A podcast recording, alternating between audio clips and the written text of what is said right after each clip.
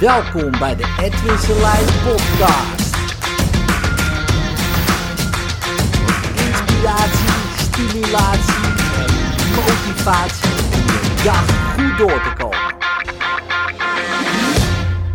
Hoe win je de wedstrijd? Het is een interessante vraag.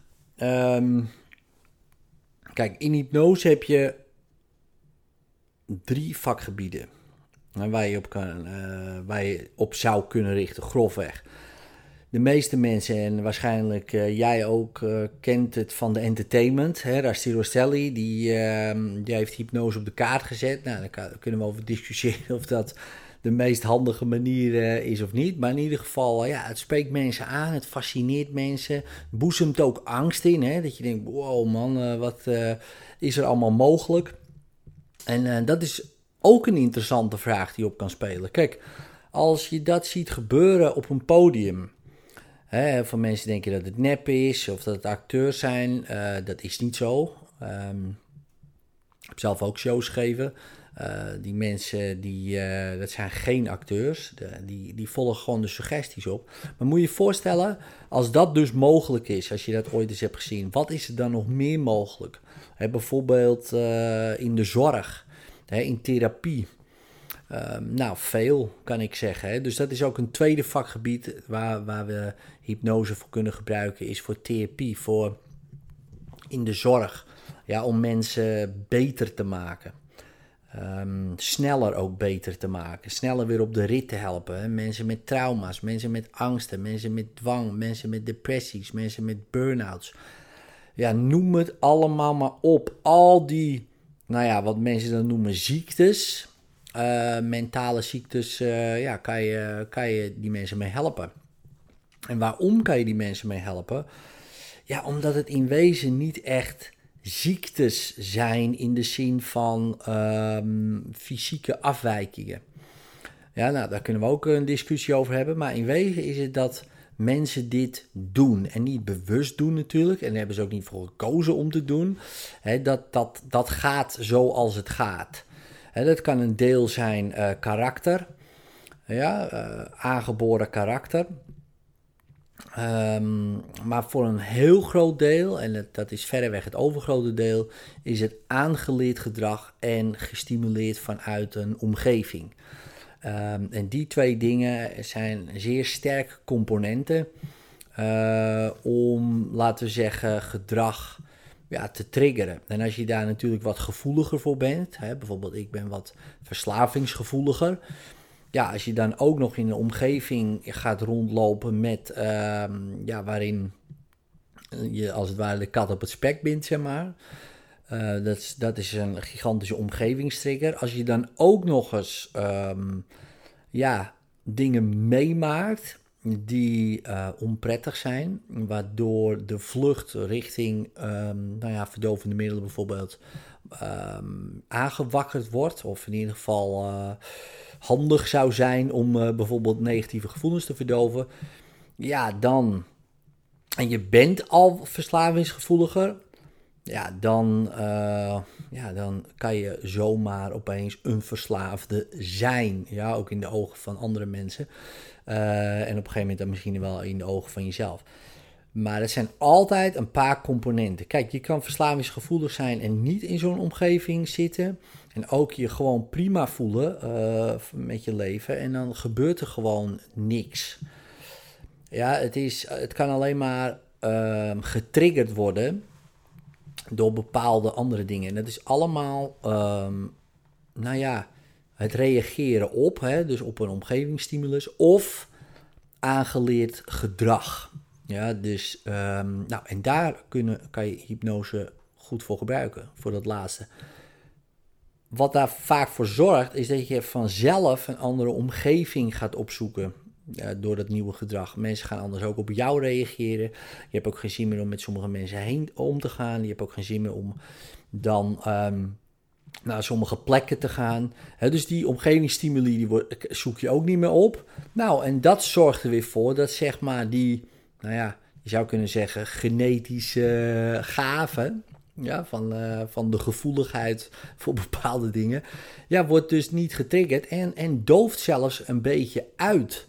Uh, niet dat het helemaal per se uit is of zo, maar ja, het, doet je niet meer zoveel. Ja, en daarom vind ik dat interessant. Ja, het is altijd moeilijk om er vanaf te komen. Ik denk, ja, het meest moeilijke Ehm, is niet per se de genetische, laten we zeggen, component. Het meest moeilijke is ook vaak niet eens het gedragscomponent. En dat kunnen we met hypnose makkelijk. Het meest moeilijke is vaak de omgevingscomponent. Dus, um, en via gedrag naar omgeving. Um, ja, dat, dat zou de weg moeten zijn. En dan kan je iemand uit de omgeving halen en daar het gedrag veranderen. En dan wil je in die omgeving stoppen. Maar ja, dat, uh, dat is het nu een beetje. Hè? Dus we sluiten iemand op in een kliniek en we sturen hem terug. Ja, dat is uh, vaak een recept voor. Um, ja, uh, disaster, zeg maar. Hè? Dus, dus dat het niet werkt, omdat ja, die omgeving, ja, die moet ook mee. Of, of jij moet niet meer daarheen. Maar goed, dus dat is een ander facet begon natuurlijk zo win je de wedstrijd. En ik waar heeft hij het nou weer over? Heeft hij het opeens over verslavingsklinieken? Maar ik bleef een beetje hangen in het tweede ding waar, hypnose, waar je hypnose goed voor zou kunnen gebruiken. Hè, gedragsveranderingen, maar ook nou, op, op een dieper liggend niveau. Maar ook om prestaties te verbeteren. Ja, want prestaties verbeteren um, is ook een hele interessante. Want hoe win je nou een wedstrijd? Uh, ik vond een mooie uitspraak uh, van Joop Zoetemelk. Uh, die zei: De Tour de France win je in je bed. Um, en dat is een hele interessante uitspraak, want met rust, uiteraard, eh, en herstel. En degene die het beste kan herstellen, zeker in zo'n Tour de France, man, waar je weken achter elkaar poeh, echt fietsen zijn beesten. Um, en als je daar goed van kan herstellen, dus je kan goed slapen en dat soort dingen, ja, dat is natuurlijk, uh, dan heb je een enorm voordeel. Maar goed, stel je voor, je hebt al die componenten goed, want dat weet iedereen wel. Dan wil ik niet zeggen dat ze het uitvoeren hè, of kunnen uitvoeren, maar eh, de, de wetenschap is daar wel. Hè? Dus uh, het goed slapen, uh, goed dieet, hebben die aangepast op de specifieke sporter. Hè, weten ze ook wel, snappen ze ook allemaal wel. Um, goed trainen, hè, goed trainingsschema. Hè, aangepast op de individuele sporten. Nou, ook daarin, um, in die facetten, daar valt heel veel te halen. Ja, en ik heb daar um, niet zo heel veel verstand van. Um, maar goed, je kan je voorstellen, ja, daar valt veel te halen. Hè, met krachttraining, uh, word je sterker. En als je centrale verdediger bent en je gaat ook uh, krachttraining erbij doen, ja, dan word je sterker. Je kan, uh, en, en, bijvoorbeeld je gaat explosiviteitstraining erbij doen, dat je hoger kan springen. nou ja, allemaal van dat soort facetten die je kan individueel kan trainen, zowel fysiek, um, ja, zowel gewoon fysiek, maar ook een mentale component. Ja, hoe sta jij in het veld? Kan je je makkelijk afsluiten van dingen?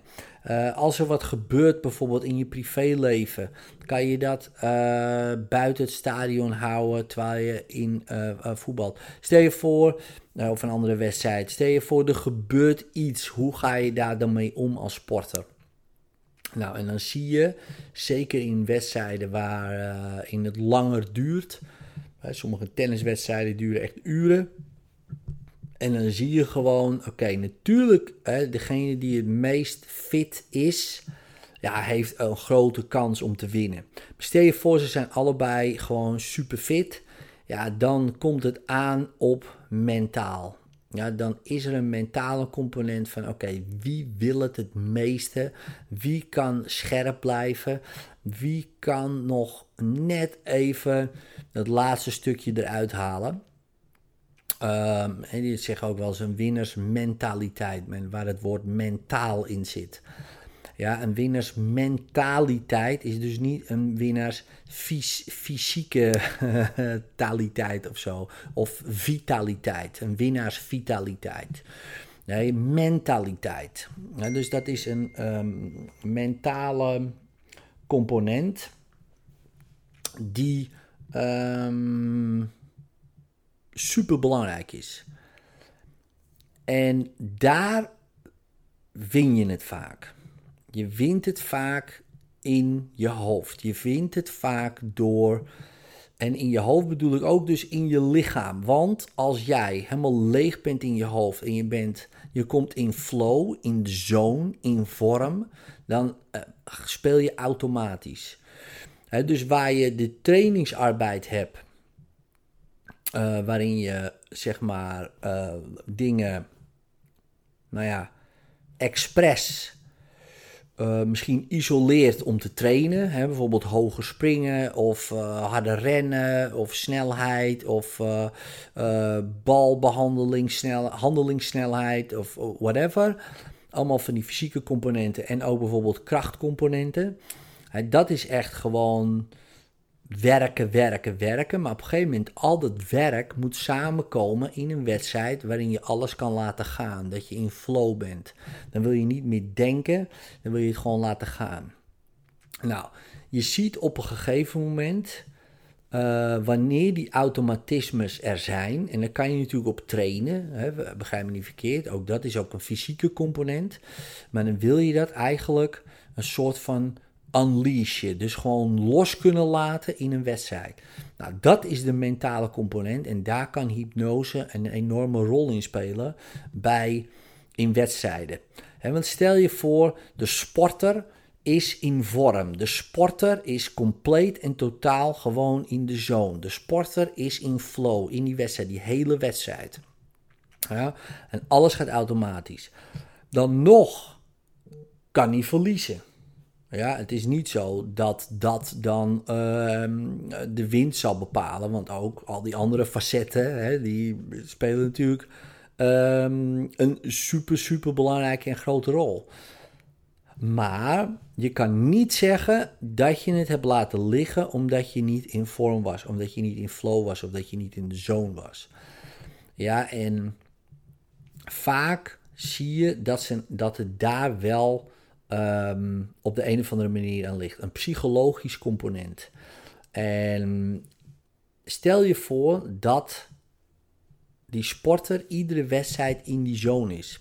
Wat denk je wat er gebeurt dan? En dat kan dus, dat, daar kan hypnose een enorme rol in spelen. Dus hoe win je de wedstrijd? In je hoofd. In je hoofd. Ja. En natuurlijk ook op het veld en natuurlijk op on en natuurlijk ook in de gym en natuurlijk ook in je bed. Ja, allemaal componenten. Maar op het moment van de wedstrijd moet je alles los kunnen laten. Alles. En al die automatismes onbewust kunnen laten gaan. Dan heb je een grotere kans om die wedstrijd te winnen. En eigenlijk moet je dan gewoon in hypnose zijn en dat allemaal laten gaan. Dit was mijn rant. Later.